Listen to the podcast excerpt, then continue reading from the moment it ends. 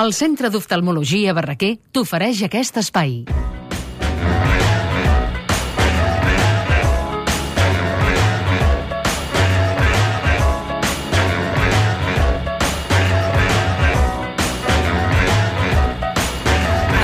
Setmana s'ha dedicat a perseguir l'escriptor Alessandro Barico pel Centre de Cultura Contemporània de Barcelona amb l'excusa que volia esbrinar si portava o no una Ray-Ban original. Ah, És que la sí. cultura la fan a la cul. Però avui arriba amb la seva versió més demoníaca, Pepa Ferrer. Bon dia. Eren o no originals? Jo crec que Home. sí. I ell també. I Ell també era original, Ell eh? també T'agrada, eh? Sí. Per què demoníaca? Penseu que aquesta música té alguna cosa de demoníaca? Home, així d'entrada, Eric Clapton, no. Amb Leila, no. No, ho I sembla. aquesta? Mm, Elton John no em sembla el tio més Tampoc. demoniac del planeta, no? Doncs mira, em sap molt greu, però a Badalona diuen que sí, que aquesta és la música del dimoni i és que potser algun dia vés a saber si ho va ser, no ho sabem. Ara, però, el rock és una música urbana i rural, és a dir, de tots els àmbits, que es pot escoltar a qualsevol lloc. De fet, nosaltres us proposem dos llocs per anar a escoltar i veure rock. Un baixant sota terra i agafant el metro.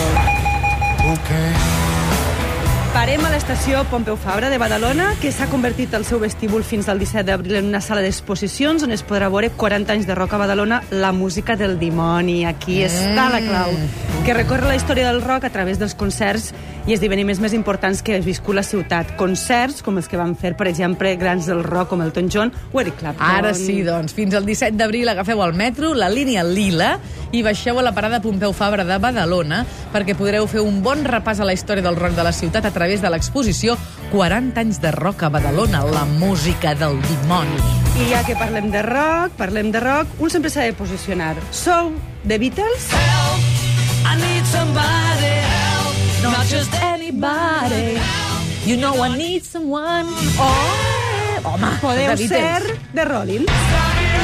Ai, com et senti dir Rollins. Ai, com et senti dir Rollins. Els Stones, per favor. Escolteu, aquí juguem en terreny neutral. Sí o no? I tant que sí. Ni d'uns ni altres, perquè el futur Museu del Rock, que obrirà a casa nostra, tots tenen cabuda. A partir de dijous vinent, al Centre Comercial Les Arenes, que just acaba d'obrir aquest cap de setmana, s'inaugurarà el Museu del Rock, ocuparà la meitat de la quarta planta per exposar instruments, partitures, objectes de col·lecció.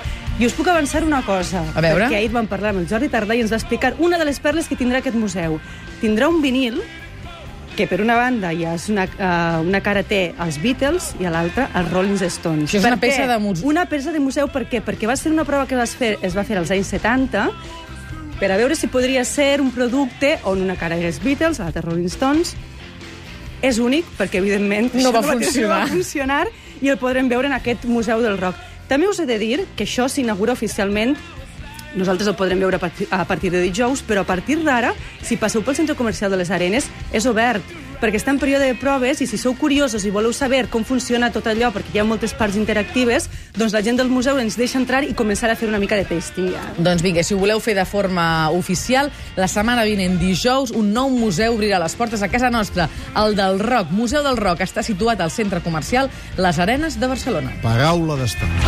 Això mateix. I tant, i música avui en tenim per totes les edats, pels més menuts també. Vamos hacia Pamplona.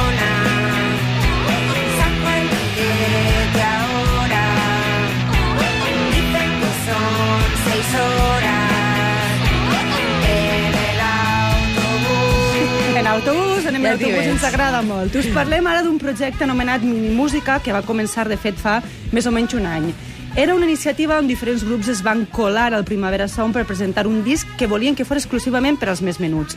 El primer disc, que es va anomenar Els Aliments, i parlava d'això, doncs a través de diferents grups parlaven dels aliments. Avui arriba un altre treball Li has de portar una còpia al Santiso, d'aquest perquè és un fan d'aquest tipus de música, eh? Doncs el- Discos el Sant- d'aliments, porta'ls-hi tots. El Santiso, em sembla que ja el coneix. Digues que sí, que sí, Santiso. Sí, veus? És que això ho té controlat. doncs això no va ser Pel una flor... Tàpies, això no va ser una flor d'estiu, sinó que el projecte continua. Ara ha aparegut un nou treball que parla del transport. Per això aquesta cançó parla de l'autobús. Mm. Evidentment, cinc grups parlen de temes eh, sobre mitjans de transport.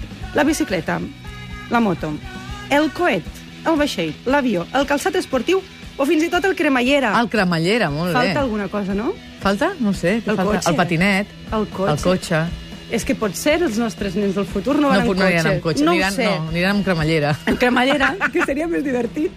Escolta, Mujeres, Me and the Beast, Viva Benur, Eurípides and His Tragedies i Sa són els cinc grups que estan una mica involucrats amb aquest nou projecte, Transport. Ja podeu trobar el segon treball del projecte Mini Música, que es diu Transports, que avui es presenta en concert a la Pedrera. Però com que les entrades estan esgotades, teniu dues opcions. O esperar el proper concert o entrar al web sones.es, S-O-N-E-S, barra cat, barra minimúsica i comprar les cançons, i la, les cançons i les podeu gaudir a casa vostra. Segur que al Santiso també li agraden. Van ser radicals, no de la música, sinó van ser radicals per un moment. Què va passar l'any 79? Va coincidir l'arribada al poder de Margaret Thatcher, dues revolucions, la de Nicaragua i la de l'Iran, va aparèixer el Wallman, la pel·li Apocalipsis Now. Quin any, no? Doncs sí, molt bé.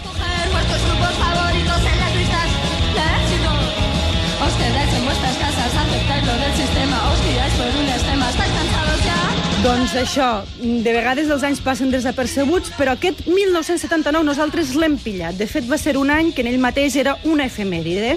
Uh, no, sé, no sabem si perquè va, ser, va tindre bona lluna o mala lluna, però ara uh, la Virreina Centre de la Imatge de Barcelona li dedica una exposició, 1979, un monument a instants radicals, i agafa com a fil conductor una novel·la, L'estètica de la resistència, de Peter Weiss. En aquesta novel·la l'autor es planteja, per exemple, uh, al final de la indústria clàssica del segle XIX, com a partir del 1979 això té un punt d'inflexió, com es passa allò que s'anomena postfordisme. Què vol dir això? Doncs que a les nostres fàbriques comencen a aparèixer robots, coses informatitzades i canvia una mica tot la mecànica. Què canvia també? Doncs canvia la ciutat. Per exemple, a Barcelona va ser l'any on es va fer una enquesta per saber cap on aniria la ciutat, com seria aquesta ciutat en un futur.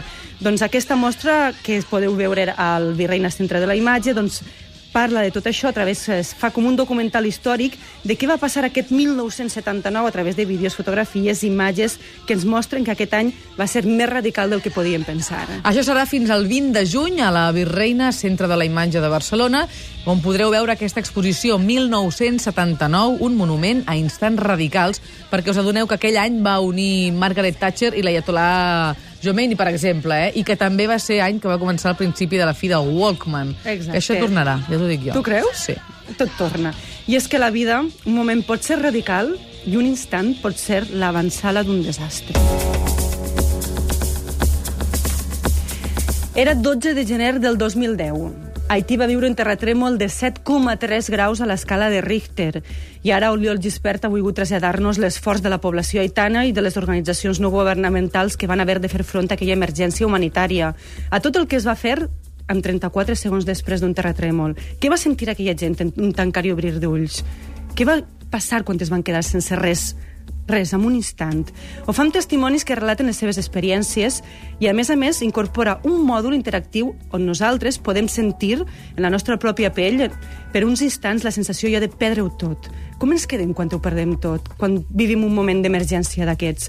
Doncs també és una exposició que inclou fotografies d'Emilio Morenati, que és el guanyador del primer Premi Fotopress 2009, i de la Marta Ramoneda, que mostren dia a dia com els haitans, uns mesos després doncs, del terratrèmol, van haver de patir doncs, tota la reconstrucció de, de casa seva. Fins al 12 de juny podeu visitar el CaixaFòrum Haití 34 segons després, una mostra que ens permet sentir en la nostra pròpia pell què se sent quan es perd tot en un terratrèmol i també veure l'altra part, la de la solidaritat i la gent que treballa braç a braç per aixecar un país. Segurament la sensació quedarà ben lluny de la realitat, però com a mínim ens podrem fer una idea de què vol dir perdre-ho tot en un obrir i tancar d'ulls.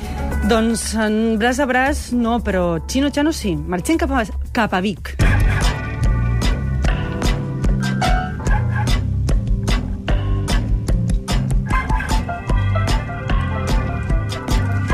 Si vosaltres sou dels que mesureu a pams, a dits, agafeu un regle, no sé com ho feu. Però jo us vull parlar d'una mostra que es titula Apamar, gràfiques, mètriques i polítiques de l'espai. I barreja arquitectura, disseny i activisme per dir-nos que això d'apamar no significa només mesurar, sinó significa també conèixer a fons. I això és el que ens proposa el treball de diferents artistes que han investigat, observat i treballat sobre el terreny i entre les seues pròpies Això, conclusions. com dius, això ho tens molt apamat. Sí, sí. Vol dir que tu coneixes molt a T'ho fons. coneixes bé, no? t'ho coneixes bé. Has tret les teues pròpies conclusions d'això. Doncs, per exemple, trobarem dues instal·lacions, una que es diu Beirut Mapping Security, que analitza els nombrosos tipus de mesures de seguretat que han establert al municipi de Beirut com a conseqüència dels conflictes armats que el país ha anat vivint des del 1970. Després també trobarem un altre de l'Isaac i la Cuesta i la Isa Campos, llocs eh, que no existeixen, que ens proporcionen una mirada sobre la realitat d'uns llocs que han desaparegut al Google Earth. Si nosaltres ens pensem que en Google Earth entrem a tot arreu, doncs no, perquè, per exemple, instal·lacions militars o edificis governamentals o, per exemple, transformacions de l'especulació, doncs què passa que a Google Earth no apareixen? Fins al 4 de juny, si passeu per Vic, podeu anar a veure l'exposició a Pamà, gràfiques, mètriques i polítiques de l'espai, a l'ACVIC, Centre d'Art Contemporanis de Vic. I ara, com que a mi m'agrada molt el senyor David Balaguer i sempre li porta alguna musiqueta, Ah, ja està. aquesta esperem. El nen mimat del programa. no sempre s'abasta. Qui